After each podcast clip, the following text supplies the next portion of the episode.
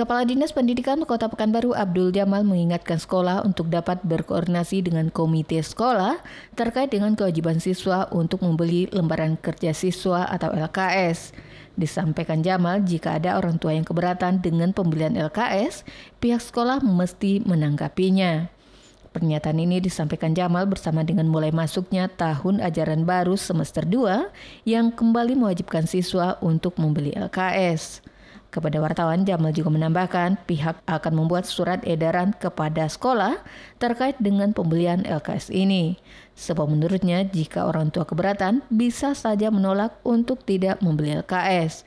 Walaupun sebenarnya LKS sendiri juga cukup membantu untuk media pembelajaran siswa di sekolah. Satu sisi LKS ini memang juga dibutuhkan.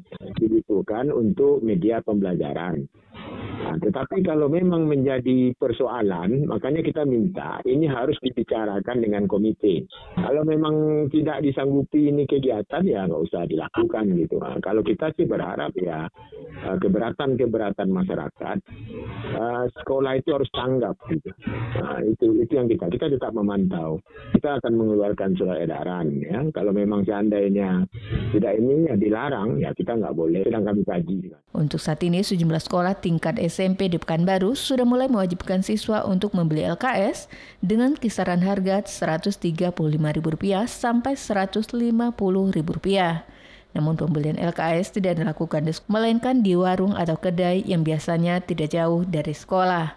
Desi Suryani, Tim Liputan Barabas, melaporkan.